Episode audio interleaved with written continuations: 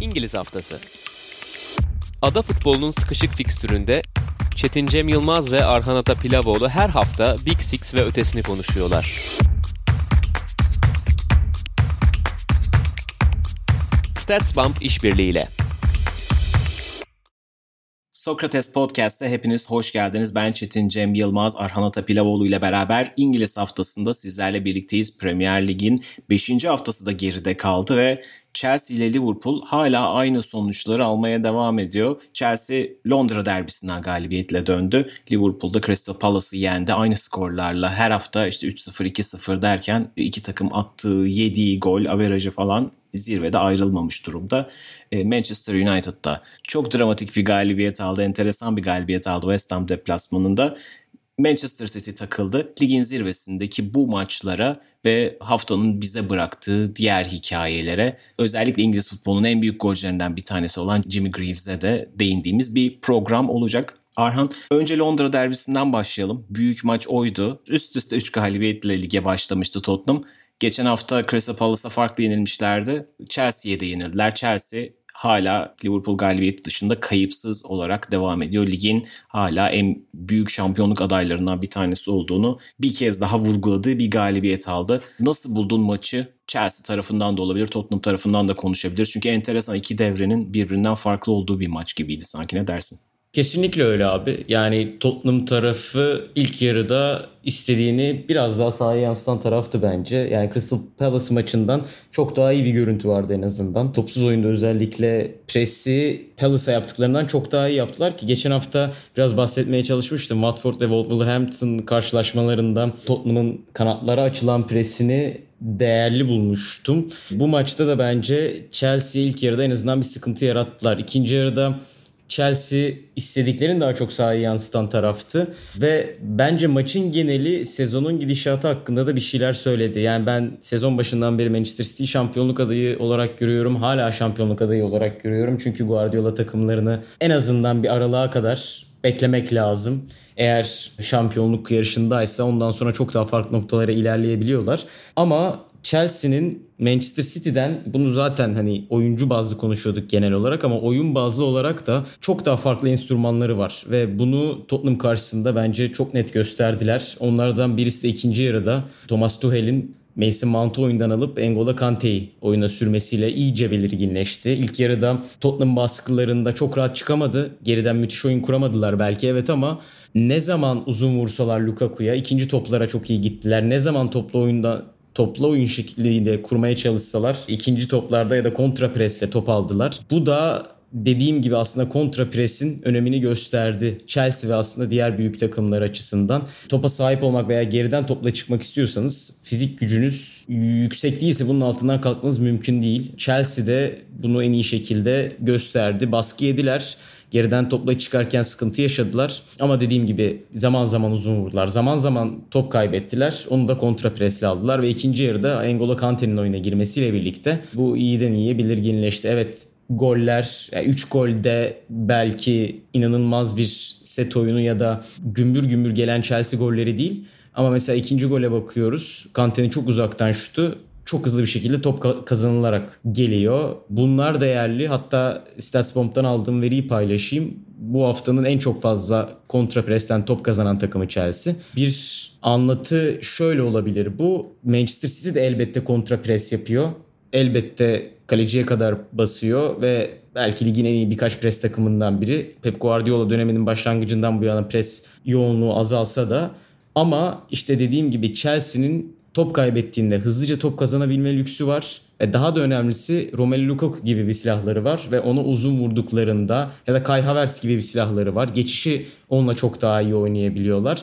Manchester City'nin onlar adına ne yazık ki diyeceğim ileride böyle bir hedef santrforları olmaması onların bu tarz oyunlara geçişini biraz daha zorlaştırıyor ki herhalde Pep Guardiola'nın Şampiyonlar Ligi kazanamamasında ya da hedef maçlarda zaman zaman sıkıntı çekmesinde en büyük sebep de bu oldu. Evet dediğin çok doğru. Bütün maçın iki tarafına da baktığımızda ilk yarıda aslında Tottenham biraz daha Manchester City maçındakine de benzer bir görüntüdeydi. Yani maçın içindeydi. Kontralarıyla ya da direkt hücumlarıyla her zaman kontratak dememek lazım ama hızlı anlamda belki geçiş burada daha iyi bir tabir. ile maçı oldukça dengelemişti. Topa sahip olmada da şut sayılarında da işte anlamlı ataklarda da büyük şanslarda da hep dengeliydi ilk yarıda. Hatta ilk yarıda çok önemli bir eksi farkı da var.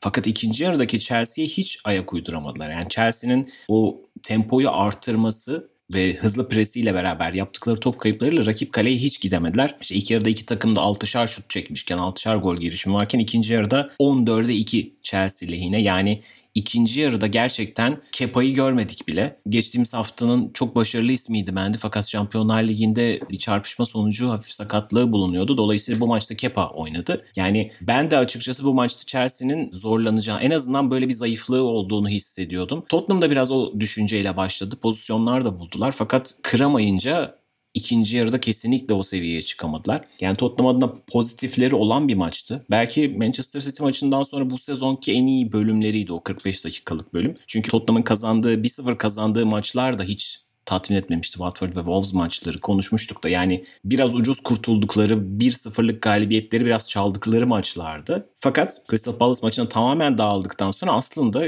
iyi bir reaksiyon vermiş gibilerdi. Fakat ikinci yarıdaki Chelsea baskısına hiç dayanamadılar. Chelsea enteresan şekilde hani dediğin gibi Kante değişikliğiyle maçı başka bir yere getirdi ve savunma oyuncuları ve Kante'yi de sayarsak işte hani tamamen savunma oyuncularının gol katkılarıyla buldu. Duran toptan gelen bir Thiago Silva golü kilidi açtı. Hadi ilk golü yedikten sonra zaten Tottenham'ın çok fazla reaksiyon verebilecek gücü kalmamıştı. Çok kısa süre içerisinde ikinci golde gelince çok hani 10-15 dakikalık bölümde 49 ve 57'den bahsediyoruz. İkinci yarının ilk çeyrek saatinde zaten hikaye bitmişti. O dakikadan sonra Tottenham'ın kesinlikle geri gelebilecek gücü kalmamıştı. Tottenham adına yine ufak pozitiflerden bahsedebilirsek en azından birazcık savunmada iki tane yeni oyuncu oynadı bu sefer. Önümüzdeki haftalarda Emerson Royal ve Cristian Romero'nun hani 11'deki yerleri hani o şey olabilir. Hani oturmuş olabilir. Gerçi maçın ortasında tekrar Davinson Sanchez'e dönüldü. Hala Erik Dyer'ın da hafif sakatlığı var. O oradaki güvenilir oyuncu mu bilmiyoruz. Ama Tottenham hala bir geçiş sürecinde. Yani bugün bugün dediğim hafta sonunda ideal 11'lerine çok yakın bir 11'de oynadılar ve hani güçleri bir yere kadar yetti. Karşılarındaki takım ise şu anda İngiltere'nin Avrupa'nın en iyi takımlarından bir tanesi. Hani Chelsea gerçekten konuştuğumuz gibi haftadan haftaya çok değişiklik sergileyebilen bir takım. Maç içerisinde de çok fazla farklı cephanesinde çok farklı silahları olan bir takım. Gerçekten ikinci 45 dakikada verdikleri reaksiyon çok etkileyici geldi bana. Yani hep Chelsea'yi ben hala yani sezon başında da öyle görüyordum. Şampiyonluğun birinci adayı olarak görüyordum. Manchester City'yi hafife alıyor değilim. Liverpool yıldızlarıyla Manchester United hala çok güçlü. Fakat Chelsea'nin kadro derinliği, Thomas Tuchel'ın da takıma hakimiyeti gerçekten çok etkileyici geliyor bana. Bunu da hafta sonunda bir daha test etmiş de olacaklar. Önümüzdeki hafta sonu çok büyük bir maç var Chelsea Manchester City. Yani ligin rengini belli edecek maçlardan bir tanesi. Manchester City'yi de birazdan konuşacağız aslında ama biraz bu maça da hafif bir girelim mi ne dersin? Chelsea ve Manchester City yanılmıyorsam Tuchel göreve geldikten sonra 3 kez Manchester City'yi yendi. Bir kez de kupada yendi. Bir kez Şampiyonlar Ligi'nde yendi, bir kez de ligde yendi. Yani Guardiola için oldukça kötü bir seri. Bunu tersine çevirebilecek mi sence? Nasıl bir maç bekliyorsun hafta sonunda? Abi çevirirse Guardiola için çok önemli bir başarı olacak. Çünkü Jürgen Klopp'a da ard arda mağlubiyetler olmasa da uzun süre kazanamadığı bir döneme girmişti. Ve o üstünlüğü bence vermemesi gerekiyor Thomas Tuchel'e. Şu an vermiş gibi duruyor. Şampiyonlar Ligi'nde kaybetti. Önemli bir maçta kaybetti. Ligde farklı şekilde kazanabileceği bir maçı verdi.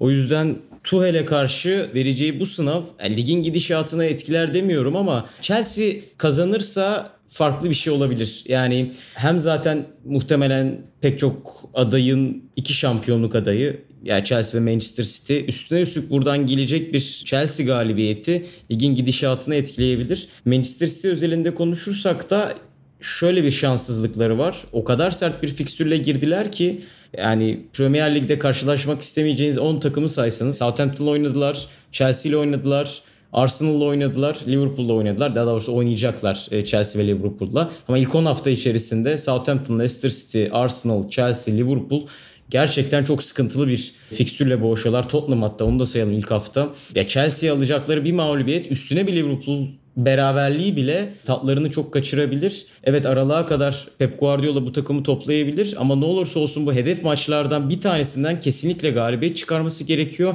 Arsenal'ı o kategoriye pek sokmamak gerekiyor bence.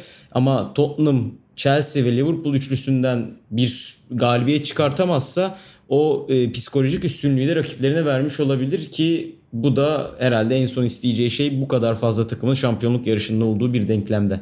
Evet bana da öyle geliyor. Birazdan Manchester City'yi ayrıca konuşuruz Southampton beraberliği üzerinden. Bu maçtan yavaş yavaş istersen Liverpool'a da geçelim. Liverpool'da Crystal Palace'ı 3-0'la geçti. Yine tabelada göründüğünden biraz daha zorlandığı bir maçtı denebilir. Yani ilk golden sonra oyun çok uzun süre 1-0 gitti. Fakat Crystal Palace gerçekten rüzgarı arkasına almıştı. Yavaş yavaş hani tehditler yaratmaya da başlamıştı. Birkaç tane de pozisyon yarattılar. Fakat Liverpool adına enteresan şekilde 3 tane kornerle gelen 3 gol 3 puanı getirdi Liverpool'a. Yani bu sene tam olarak adını koyamadığım bir farklılık görüyorum Liverpool'da geçtiğimiz yıllardaki Klopp takımlarına göre. Ve enteresan şekilde Liverpool hala gol yemiyor. Yani enteresan değil belki hani Alisson ve Van Dijk'ın dönüşleri zaten Liverpool'un savunmasını eskiden bildiğimiz 2019'daki seviyesine getirecekti. Doğru bunu bekliyorduk ama birazcık daha kontrollü, biraz daha sakin bir, sağlam bir Liverpool izliyoruz bu sene sanki. Bu maçta geri dörtlünün tamamının değiştiği çok enteresan bir rotasyonla karşımızdaydı Liverpool. Trent Alexander-Arnold'un hafif sakatlığı vardı. Robertson dinlendirildi. Hastalığı vardı daha doğrusu. Ve James Milner sağda, Chimikas solda oynadı. Yani bu sene sanki Jurgen Klopp başka bir şey yapmaya çalışıyor gibi geliyor. Geçtiğimiz yıllarda bana biraz fazla bu kelimeyi biraz kötü anlamda kullanmıyorum ama biraz daha inatçı, biraz daha katı gelmeye başlamıştı Jurgen Klopp'un aynı tarzı. Aynı 11'leri mümkün olduğu kadar oyuncuların suyunu çıkarana kadar kullanması bence Liverpool'u fiziksel anlamda çok zorlamıştı. Çünkü Liverpool'un o kadar derin bir kadrosu olmadığını biliyoruz. Fakat ve tabii ki bu birazcık spekülasyon ama Liverpool'un geçen sene yaşadığı sakatlıkların da birazcık işte bir buçuk sene boyunca aynı 11 ile sürekli oynamaya çalışması olduğunu düşünüyordum ben. Bu sene de Şampiyonlar Ligi'ndeki Milan maçı ve bu haftaki Crystal Palace maçında yap- yaşanan yapılan rotasyonlar bana sanki birazcık Jurgen Klopp'un da bu fikirde olduğu hissini veriyor. Yani tabii ki yani Liverpool kesinlikle bahar aylarına sağlıklı girmek için, şampiyonluk yarışında sağlıklı kalabilmek için şu anda birazcık daha elindeki kadroyu idareli kullanıyor gibi geliyor bana. Bu şu ana kadarki çıkarımım bu. Liverpool hala Chelsea ile beraber dediğim gibi aynı sonuçları alıyor. Bir takım 3-0 kazanınca diğeri de 3-0 kazanıyor.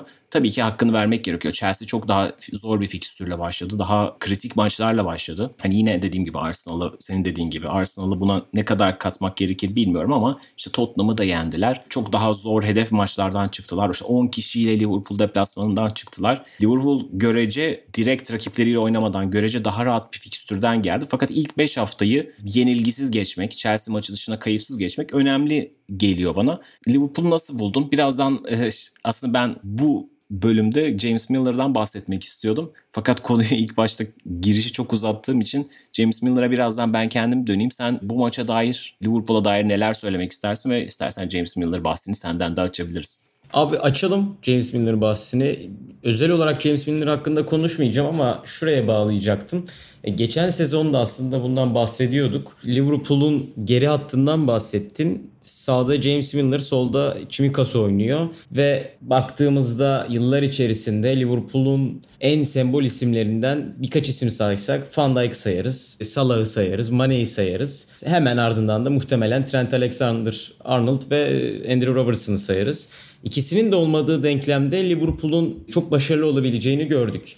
Evet Van Dijk çok önemli bir eksikti ama belki Fabinho ve Henderson daha doğrusu Liverpool'un orta sahası alıştığımız orta sahası 38 hafta oynayabilse bu kadar dramatik düşüşler yaşamayacaktı Liverpool. O yüzden bence burada Liverpool'u öne taşıyan şey veya iki sezon önceki Liverpool'a yakınlaştıran şey bu orta sahanın yani Fabinho ve Henderson orta sahasının sağlıklı bir şekilde oynaması. Onlar devreye girdikten sonra takımın nasıl tekrardan ritim bulabildiğini e, bu maçta da gördük. Evet 3 tane duran top golü oraya da doğal sayılarda birazdan değineceğiz. Ama genel olarak Fabinho ve Jordan Henderson'ın varlığı belki Wijnaldum'ı bir alternatif de bulabilseydi Liverpool hani o bahsettiğim Chelsea Manchester City şampiyonluk adaylarının hemen yanına gelirdi diye düşünüyorum. Bence kesinlikle oraya çok çok yakınlar ama hala bazı soru işaretleri taşıyorum. Fakat ne olursa olsun bu kadar iddialı ve yoğun başlamaları bu orta saha ikilisinin ne kadar önemli olduğunu hatta orta saha üçlüsünün doğru bir parça eklenebilirse oraya. Evet Thiago oynadı ama yine de o yoğunluk bence şu an için daha değerli Liverpool açısından.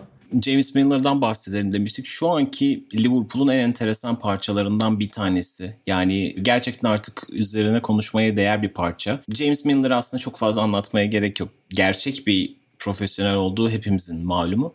Fakat Premier Lig'deki 20. sezonunda bu sezonun en formda oyuncularından bir tanesi belki de birincisi diyebileceğimiz Trent Alexander-Arnold'un yerine oynadı bu hafta sonu. Ve asıl pozisyonu sağ bek değil tabii ki James Miller'ın. Fakat kendisinin çok alışık olmadığı bir pozisyonda oynamış olması hiç sorun olmuyor. Çünkü kendisi sol bekte oynadı, stoper de oynadı, orta sahada oynadı. Manchester City'de bir dönem, bu benim çok hatırlamayı sevdiğim bir anekdottur. Bütün forvetlerin sakatlandığı bir dönem sahte 9'da oynamıştı. Guardiola öncesi dönemde zaten aynı dönemde çalışmadılar. Yani her yere koyduğunuz oynayabilen çok özel bir oyuncu. Ve Jurgen Klopp'un da maç sonunda söylediği gibi muhtemelen Patrick Vieira'nın önüne takım listeleri geldiğinde bunu bir rakibin zayıflığı olarak analiz etmiş. Ve sürekli olarak bizim beklerimizin arkasına top atmaya çalıştılar dedi. Ve bu hiç yadırganacak bir şey değil. Çünkü Crystal Palace'ın zaten en güçlü oyuncusu Wilfred Zaha. Ve ben de ilk 11'lere baktığımda Zaha karşısında Milner'ı görünce birazcık hmm, burada bir problem olabilir, burada kötü bir eşleşme olabilir diye düşündüm. Fakat hiç böyle olmadı. Guardian'dan aldığım veriyi söylüyorum. 11 kilometre koşmuş. 35 yaşındaki bir oyuncudan bahsediyoruz. Premier Lig'deki 20. sezonunu oynayan bir oyuncudan bahsediyoruz. Maçın en çok topla buluşan oyuncularından bir tanesi, en çok müdahale yapan oyuncularından bir tanesi top kapmalarında, pas aralarında gerçekten çok yani genç bir oyuncu gibi oynadı. Müthiş bir profesyonel. Bu sene kontratı bitiyor fakat tahminim Liverpool onunla yolları ayırmayacaktır. En azından bir sene bir sene şeklinde uzatmaya devam edecek diye düşünüyorum. Çünkü bu takıma kattığı şeyler çok özel. Yani hem Henderson'la beraber takımın abisi rolünde oldukları çok belli. Fakat sadece profesyonel bir figür olarak değil sahaya kattıkları da çok değerli. Yani Liverpool çok rakiplerine göre çok daha dar bir kadroyla oynuyor. Özellikle orta sahada bazı transferler gerçekleşti. Yani gönderilen oyuncular oldu. Wijnaldum gibi, Şakiri gibi. Rotasyon birazcık daha daraldı. Liverpool geçen sezon savunma anlamında biraz daha kısıtlıydı. Bu sene orta saha rotasyonu daha azaldı. Şu anda Liverpool'un Thiago Henderson ve Fabinho üçlüsüyle büyük maçlara çıkacağını tahmin ediyoruz. Fakat Thiago'da iki haftalığına sakatlık sakatlığa yakalandı. Dolayısıyla birkaç hafta kaçıracağı açıklandı. Şimdi Liverpool'un orta sahasındaki bu incelme kısmında da James Miller'a mutlaka rol düşüyor gibi geliyor bana. Yani çok özel bir figür dediğim gibi çok özel bir karakter.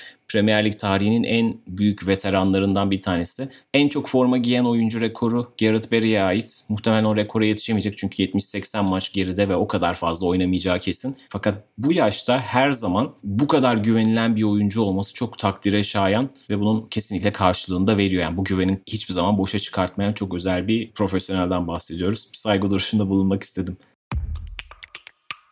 Doğal sayılar. Bu hafta doğal sayılarda da Liverpool'dan bir sayımız var değil mi Arhan? StatsBomb verileriyle bu hafta hangi sayı var bizlerle? Evet abi aslında sen de bahsettin. 3 farklı golün de duran toptan geldiğini. Liverpool'un uzun süredir devam eden duran top etkinliğine dair bir sayı vereceğim. Aslında sayılar vereceğim. 2019-2020 sezonuna uzanacağız ilk olarak. Duran toplardan 10 gollük e, duran top beklentisinden 17 gol çıkarmıştı Liverpool. Geçtiğimiz sezon Van Dijk'ın olmayışı, stoper hattının durmadan değişmesi o hava toplarında etkinliğin biraz azalmasına sebep olmuştu. Ama yine de 10 gollük duran top beklentisinden 12 gol çıkarmayı başarmışlardı. Şu an içinde 4,5 gol beklentisi üretmiş durumdalar. Ve bu geçen iki sezona göre e, çok etkileyici. Daha bu kadar hafta oynamışken 4.5'luk gol beklentisi Buradan da 5 gol çıkmış. Yine gol beklentisinin üzerindeler. Yine duran topta ne kadar etkin olduklarını gösteriyor. Ve bu sefer duran toptan gol beklentisi üretmekte de geçtiğimiz sezonlara göre daha başarılı olduklarını gösteriyor.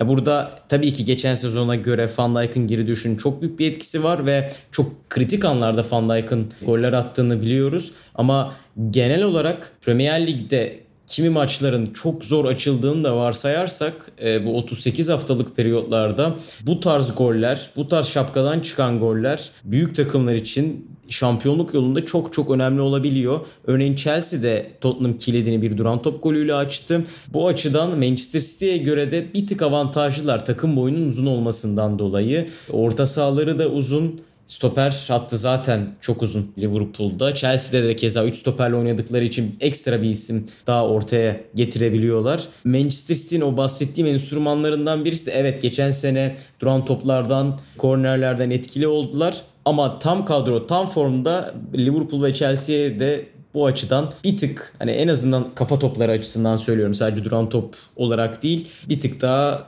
gerideler diyebilirim. Şimdi zirvenin diğer adayı Manchester City'ye geçelim istersen. Onlar da hani fırtına gibi gidiyorlardı. 5 gol, 5 gol.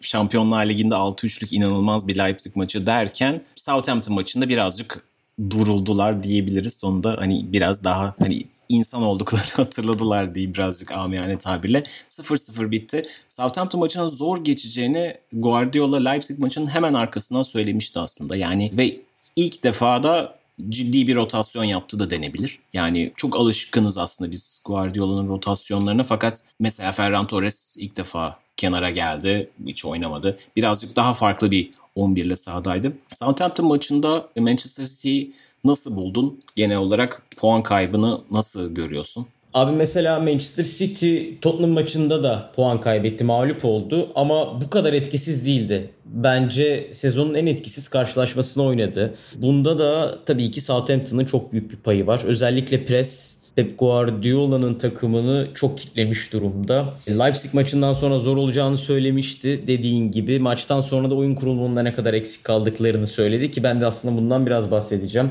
Öyle iyi pres yapmış ki Southampton maçta yani Manchester City'nin gerçekten çaresiz kaldığı dakikalar var. Ortalama pozisyonları ve pas bağlantısı haritalarına baktım. Cancelo Arsenal maçında tamamen merkezde konumlanmış. Evet çok ekstra bir maç ama diğer maçlarda da merkeze daha yakın. Bu maçta gerçekten Kanada çok yakın durumda. Buradan aslında bir bağlantı çıkartacaktım ben de. Manchester City birinci bölgeden ikinci bölgeye geçtiğinde Cancelo'nun biz her zaman sahte bek olarak merkeze yaklaştığını görüyoruz. Bu Jack Grealish gibi kenara basan bir oyuncunun bütün kanadı tek başına egemenliği altına alması anlamına geliyor. Ama öyle anlar olmuş ki maçta Cancelo merkeze gelemiyor. Çünkü Manchester City birinci bölgeden ikinci bölgeye gelemiyor. Southampton'ın hem kanada hem merkeze baskısı çok iyi durumda. Ruben Diaz topla çıkmaya çalışırken orada baskı Dennings geliyor, Armstrong geliyor. Müthiş bir yönlendirme var ve bu bahsettiğim birinci bölgeden ikinci bölgeye geçiş olmadığı için de Manchester City oyun kuramıyor, sete oturamıyor. Sete oturamadığı için de aslında bireysel yetenekler ortaya çıkmak zorunda kalıyor. Birinci bölgeden ikinci bölgeye geçemeyen bir takım haliyle 2'den 3'e geçmekte de çok zorlanıyor. Ve dediğim gibi o bireysel yetenekler Jack Grealish gibi oyuncuların rakip kaleden uzaklaşmasına neden oluyor. Çünkü Cancelo orta sahaya gelemediği için Jack Grealish kanatta neredeyse sol beki gelerek top almaya başlıyor ve rakip kalede etkinliği olması gereken bir oyuncu ikinci bölgede top dağıtımına dahil oluyor.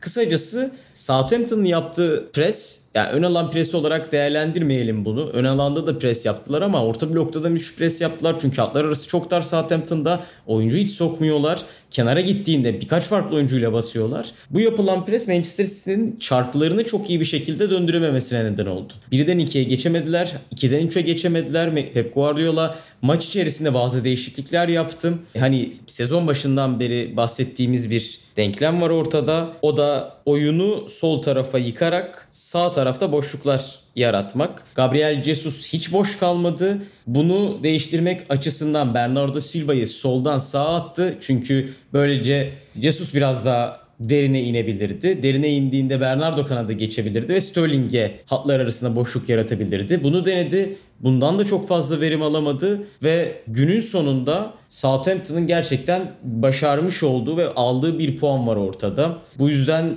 gerçekten tebrik etmek gerekiyor Hazenetul ve öğrencilerini. Şöyle de bir ek yapayım ama Manchester City'nin gerçekten karşılaşmak isteyeceği son takım olabilir sene başında. Yani bu tarz takımlara karşı zaten ya az önce de dedim City'nin ligde tarih fark etmeksizin karşılaşmak istemeyeceği Big Six dışında herhalde bir ya da ikinci takımdır. Yani Leicester City belki Southampton'dan daha istikrarlı ligin daha üst sıralarında bitiriyor. Ama ne olursa olsun Manchester City'nin antitezi bu tarz pres yoğunlukları. Ya yani Chelsea, Liverpool bu tarz takımlar Manchester City'ye sıkıntı yaratıyor. Southampton'da buna en iyi örneklerden bir tanesi. Hazenhüttl Alman disiplini ve bunu da bu maçta kesinlikle çok iyi başarmışlar bahsettiğimiz gibi Manchester City hafta sonunda çok büyük bir maça çıkacak. Guardiola en azından bu sene boyunca hep 2021 boyunca kriptoniti diyebileceğimiz Thomas Tuchel karşısında haftanın maçını çıkacak, düellosuna çıkacak. Şüphesiz biz de bunu heyecanla bekliyor olacağız. Biraz da Manchester United'dan bahsedelim. Manchester United için enteresan bir hafta oldu. Yani Young Boys karşısında şok denebilecek bir yenilgi aldılar. Ligin en formda takımlarından bir tanesine deplasmana gittiler. Haliyle hiç iyi bir zamanlama değildi ve çok dramatik koşullarda çok enteresan da bir galibiyet aldı Manchester United.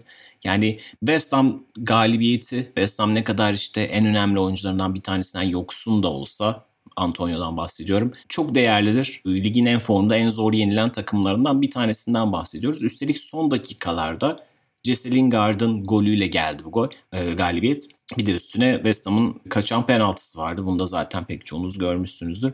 Enteresan olan Jesse Lingard'ın hani gerçekten bir geri dönüşüydü. Üst üste yani hikaye yazsanız, dizi senaryosu yazsanız bu kadar olur. Hafta içinde son dakikada Jesse Lingard'ın kaptırdığı topla bir Şampiyonlar Ligi maçını kaybediyorsunuz.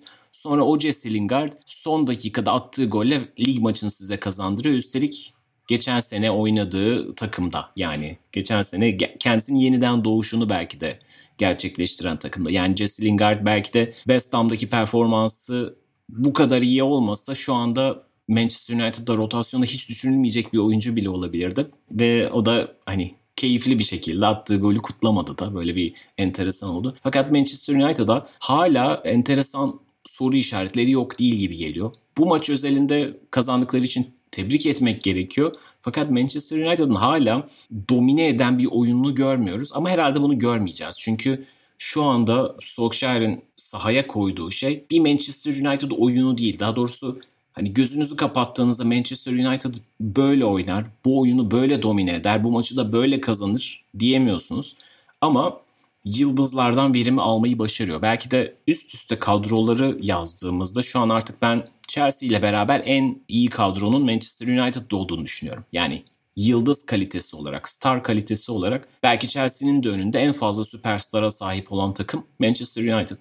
Birazcık öndeki oyuncuların yaratıcılığıyla ve işte maharetiyle skor buluyor ve bulmaya da devam edecek. Elinizde Bruno Fernandes var, Pogba var ve şimdi bir de Cristiano Ronaldo var ve Ronaldo gerçekten ilk maçta olduğu gibi yine fırsatçılıkla olsun, işte gol bölgesine herkesten önce sızmasıyla olsun, driplingiyle olsun, kafa vuruşlarıyla olsun o golü atacak. Kaçınılmaz bir şey. Manchester United'da en kritik şey o 9 numaraydı. O golcü pozisyondaki oyuncuydu. Ki geçen sene Cavani'nin bile işte sakatlık, formsuzluk, işte maç kondisyonunu yakalamaması sonucu sezonun neredeyse yarısını kaçıran Cavani'nin bile biraz form tuttuktan sonra katkısını gördükten sonra Cristiano Ronaldo çok büyük güç katacak bu takıma. O kesin yani bunun tartışılacak bir yanı yok. Fakat hala bu maçların üst seviyenin Manchester United'da Manchester United'ın üst seviyede neler yapabileceğinden hala tam emin olmuş değilim. Biraz West Ham maçına değil de Young Boys maçına döneceğim açıkçası. Çünkü bu çok değerli bir istatistik verildi bu hafta içinde Young Boys'a kaybettikten sonra. Solskjaer yönetiminde 12 Şampiyonlar Ligi maçının 7'sini kaybetmiş durumda Manchester United. Ve yani Evet geçen sene zor bir gruba düşmüşlerdi fakat kaybettiği maçlardan bir tanesi işte hatırladığımız Başakşehir maçıydı. Bir tanesi Young Boys maçıydı ki Young Boys maçında ilk yarıda ilk yarının sonlarına doğru maç 1-0 iken Van Bissakka'nın kırmızı kartı var ve maçın çok büyük bölümünü bir saatini 10 kişiyle oynadı Manchester United. Fakat Manchester United gibi bir takımın 10 kişi oynamasıyla beraber, 10 kişi kalmasıyla beraber bu kadar baskı yemesi, Young Boys gibi bir takımdan ikinci yarıda 2 gol yemesi çok fazla hani kabul edilebilir gelmiyor bana birazcık kırmızı kart bahanesine bu kadar sığınmamalıydı. Ve üst üste yaptığı değişiklikler gerçekten çok soru işaretleri uyandırdı. Çünkü takımın bütün yıldızlarını, bütün tecrübeli oyuncularını birer birer, bütün pas yapabilecek, topu ayağında tutabilecek, ileri götürebilecek bütün oyuncuları birer birer oyundan çıkarttı, çıkarttı, çıkarttı ve Young Boys oldukça iyi ve dinamiklerdi. Gerçekten onlara ayak uydurmakta zorlandı Manchester United doğru. Fakat yavaş yavaş oyunu verdi, verdi, verdi ve sonunda bireysel bir hatadan da olsa 3 puanda kaybetmeyi başardı. Yani daha doğrusu 3 puanda teslim etmiş oldu. Kötü kurdum cümleyi. Bütün bunları düşününce Solskjaer'in kriz anlarındaki yönetiminden hala tam olarak ikna olmuş olmuyor, olmadım ben. Buna dair bazı sorularım var. Twitter'da Grace Robertson yazdı. Manchester United'da belli bir oyundan ziyade yıldızların ne yapacaklarına dair bir hikaye var. Doğru bunu zaten ilk haftalardan beri konuşuyoruz. Ve o yıldızlar klik ettiğinde işler yolunda. Fakat bir de etmediğinde ve çalışmadığında Manchester United'ın sistemi içerisinde çözebileceği bir sorunlarla karşılaştığında ne yapacak? Buna dair hala benim soru işaretlerim var. Bu haftalarda çok üstünden geçiyoruz. Manchester United bir şekilde kazanıyor doğru. Kazanan da haklıdır. Üstelik Young Boys deplasmanından sonra çıkıp West Ham deplasmanından hiç krize yani böyle dramatik şartlarda çıkmak hiç e, hafife alınacak bir şey değil bence de doğru. Fakat yine de Manchester United'a dair e, soru işaretlerim azalmış değil. City, Chelsea ve Liverpool'un bir tık gerisinde geliyor bana. Star kalitesi olarak değil ama oyun gücü olarak, dominasyon olarak ben de bu izlenimi uyandırıyor Manchester United. Senin var mı Manchester United'a dair söyleyeceklerin? Diğer taraflara geçelim yavaştan. Abi kesinlikle katılıyorum. Şöyle de bir ekleme yapabilirim. Manchester United'ın herhalde geçen sezondan bu yana en büyük güçlü yanı, en alameti farikası geri düştüğü karşılaşmaları kazanması oldu. Aynı senaryo West Ham'da da var. Bunu yapabilen takım sayısı çok fazla yok şampiyonluk adaylarında. Liverpool inanılmaz bir şekilde başarmıştı. Manchester City genelde geri düştüğü karşılaşmaları çok rahat kazanamıyor. Yani genelde zaten erken koparıp iyi şekilde ilerlediğini biliyoruz. Manchester United'ın bu konuda inanılmaz bir gücü var. Ona ek olarak bahsettiğin star kalitesi şöyle bir pencere açabilirim oraya. Evet Manchester City'nin inanılmaz bir gücü var. Liverpool'un keza elinde Salah gibi bir golcüsü var. Chelsea'nin Lukaku'su var. Ama Manchester City'nin de pardon Manchester United'ın da elbette Cristiano Ronaldo'su var ve bireysel olarak çok farklı yerlere taşıyabiliyor Ronaldo United'ı ve garanti gol katkısı sağlıyor size. Geldiği 3 maçta 4, 4 gol atmış bir oyuncudan bahsediyoruz. Buna ek olarak Bruno Fernandes var. O da net bir gol katkısı sağlamaya devam ediyor. Şuraya bağlayacağım burayı. Manchester United'ın çok sağlam bir oyun gücü olsa kriz anlarında çok daha farklı noktalarda olabilirdi bu takım. Ya da kriz anlarında şampiyonluk yolundaki en iddialı takım olabilirdi. Bunu şu açıdan söylüyorum. Çok büyük bir oyun gücü olmamasına rağmen United'ın geri düştüğünde kazanabiliyor ya da maç sıkıştığında bireysel yeteneklerle gol atabiliyor. Bunu şampiyonluğun diğer takımlarında çok fazla görebilir miyiz 38 haftalık süreçte bilmiyorum. Yani geçen sezonu devam ettirir mi United? Ondan da emin değilim. Yani West Ham maçı gibi her geri düştüğü karşılaşmayı kazanır mı bilmiyorum.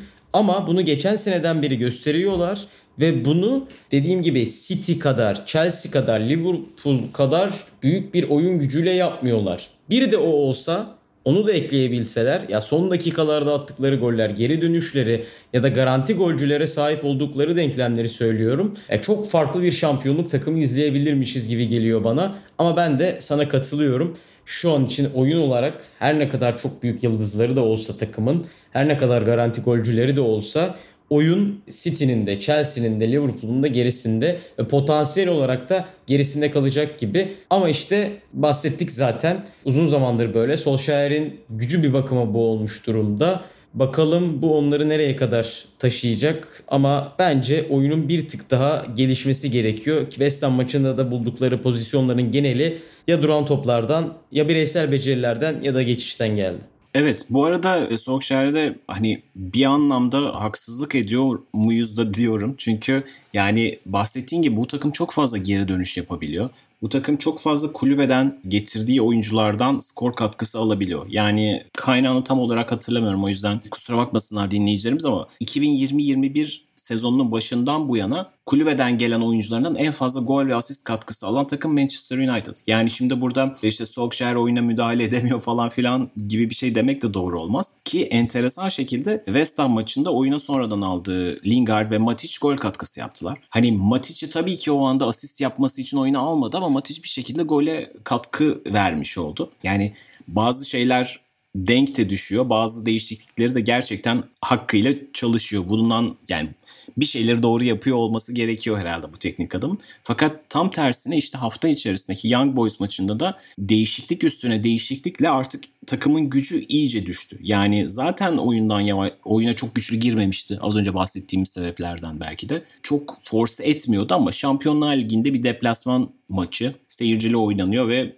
genç dinamik bir takıma karşı. David Wagner'ın yönettiği Young Boys oldukça enerjik başladılar fakat çok da böyle yetenekli bir takım gibi durmuyordu. Manchester United bir şekilde maçı koparacak gibiydi. Evet bir kırmızı kart maçın hikayesini çok değiştirdi. Fakat koca Manchester United 10 kişi de olsa ikinci yarıda sıfır şut. Bir saat boyunca şut atmaz mısınız? Ya siz Manchester United'sınız. Yani bu gerçekten çok kabul edilebilir gelmedi bana ve yaptığı değişiklikler üst üste hep üst üste iki tane stoper değişikliği yaptı. Yani Sancho'yu çıkartıp Diego Dalot'u aldı. Sonra Donny van de Beek'i çıkartıp Varan'ı da aldı. Arkayı iyice güçlendirme adınaydı. Fakat maçın son 20 dakikasında Ronaldo ile Fernandez'i de çıkarttı. Yani tamam bu oyuncular da o dakikaya kadar istediği reaksiyonu vermemiş olabilir fakat arka arkaya bu değişiklikler birazcık golü çağırdı ve zaten son o bölümde geldi yani. Son dakikada Lingard'ın hatasıyla geldi gol.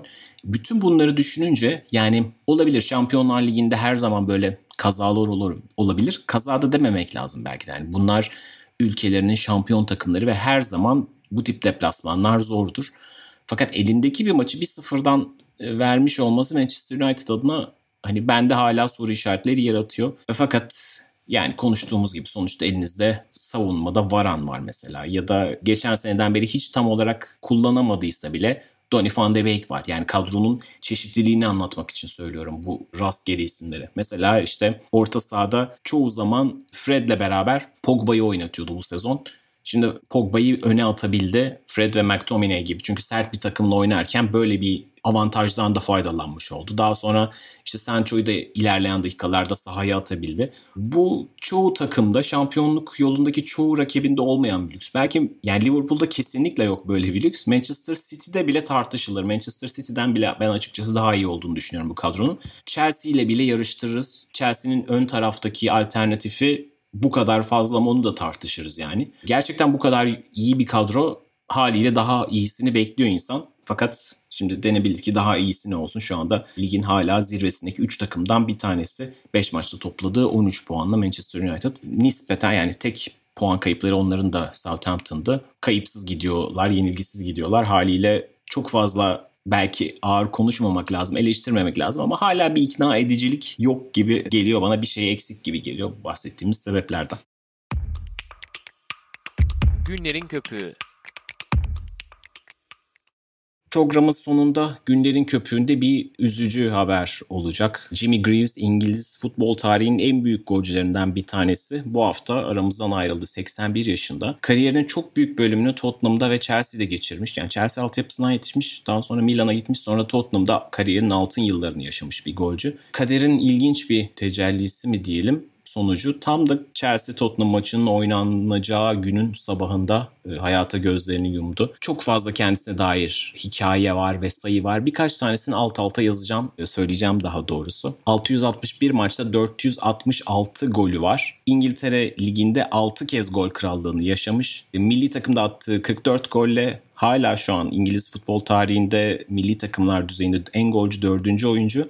İngiltere liglerinde attığı 357 golle de birinci lig yani işte Top Flight'ın en üst seviye ligin hala en golcü ismi. Biz pek çok zaman Premier Lig üzerinden rekorları tabii ki okuyoruz. Fakat Premier Lig öncesinde de çok büyük bir külliyat var ve bu hep çok tartışılır. İşte futbol 1992'de icat edilmedi derler. İşte eski futbola da önem veren insanlar tabii ki böyle. Yani pek çok rekorun 1992'den itibaren söylenmesinin sebebi eski kayıtların çok iyi tutulmamış olması. Detaylı istatistiklerin 92'nin bir milat olarak kabul ederek daha genişletilmesi. Fakat bu pek çok efsanenin yaptıklarını unutmamıza sebep değil tabii ki. Bu yüzden Jimmy Greaves'in de attığı gollerin çok çok önemi olduğunu söylemek gerekiyor. Kendisinin İngiliz birinci ligi Premier Lig'e kadar gelen işte o en üst seviye ligdeki en golcü oyuncu olduğunu hani sayılarını da şöyle vereyim de daha oturması açısından 357 golle birinci. Arkasından gelen Steve Bloomer 314 gol. Dixie Dean 310 gol. 287 golle Gordon Hudson geliyor. Alan Shearer 283 golle kendisini takip ediyor. Bütün bunları düşündüğümüzde inanılmaz bir hikaye, inanılmaz bir kariyer geliyor. Fakat kendisinin kariyerinde bütün bunların yanında Mesela Tottenham'la beraber 62-63 sezonda kupa galipleri kupasını kazanıyorlar ve bu başarıya Avrupa'da kupa kazanan ilk İngiliz takımı oluyorlar. Böyle altın bir kariyeri var. Fakat diğer taraftan çok yürekte burkan bir tarafı var hikayesinin. 1966 Dünya Kupası'nda İngiltere'nin aslında birinci golcüsü olarak turnuvaya başlıyor. Bildiğiniz gibi Dünya Kupası'nı kazanan İngiliz takımının direkt oyuncusu. Grup maçlarında da oynuyor fakat o sakatlandığı için yerini Jeff Hurst'e kaptırıyor. Jeff Hurst daha sonra ilerleyen maçlarda gol atarak takımın yıldızı haline geliyor. Final maçı gelirken Jimmy Greaves'in de artık iyileşmiş olmasına karşın teknik direktör Alf Ramsey kararını Hurst'ten yana kullanıyor ve Hurst başlıyor. Hurst tabii ki o finalde 3 gol atarak, hat-trick yaparak şampiyonluğu unutulmaz işte futbol tarihine geçen çizgiyi geçti mi geçmedi mi tartışmasının olduğu golü de atarak kupayı İngiltere'ye getiriyor. Fakat o dönem oyuncu değişiklikleri de yok. O maçta hiç forma giymiyor Jimmy Greaves ve açıkçası çok kalbi kırılıyor. Üstelik o dönemin kuralları gereği bir madalyası da yok. Çünkü daha sonra işte bütün kadroya Dünya Kupası madalyaları veriliyor. Fakat o dönem böyle bir uygulama olmadığı için sadece 11 oyuncunun madalyası var. Yazılanlara göre bu onu çok derinden yer alıyor. O dönemin en iyi golcüsü ve kendisinin de söylediği üzere BBC'den alıntı bir röportaj bu hafta sonu Twitter'da çok yayıldı. Belki yakalarsınız ya aratıp bulabilirsiniz. O dönemden sonra çok bunalıma girdiği, futbola küstüğü söyleniyor. Kendisi bunu reddediyor aslında. Diyor ki biz ertesi sene ben futbola küsmedim. Ertesi sene Tottenham'la beraber FA Cup'ı kazandık. Wembley'de gol attım. Dolayısıyla futbola küsmüş olsam böyle olmazdı diyor.